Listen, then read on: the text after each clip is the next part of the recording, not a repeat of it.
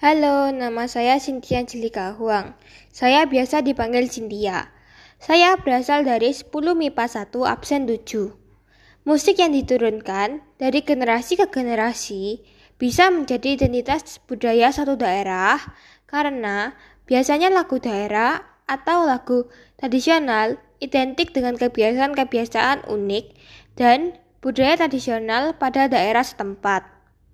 Sehingga ketika kita memberitahu mengenai musik tradisional, biasanya para generasi muda akan mengenalnya sebagai identitas budaya daerah tersebut. Dan juga biasanya lagu-lagu tradisional yang diperkenalkan kepada generasi ke generasi tidak akan berubah ataupun menyimpang karena sudah sesuai dengan budaya daerah setempat. Terima kasih.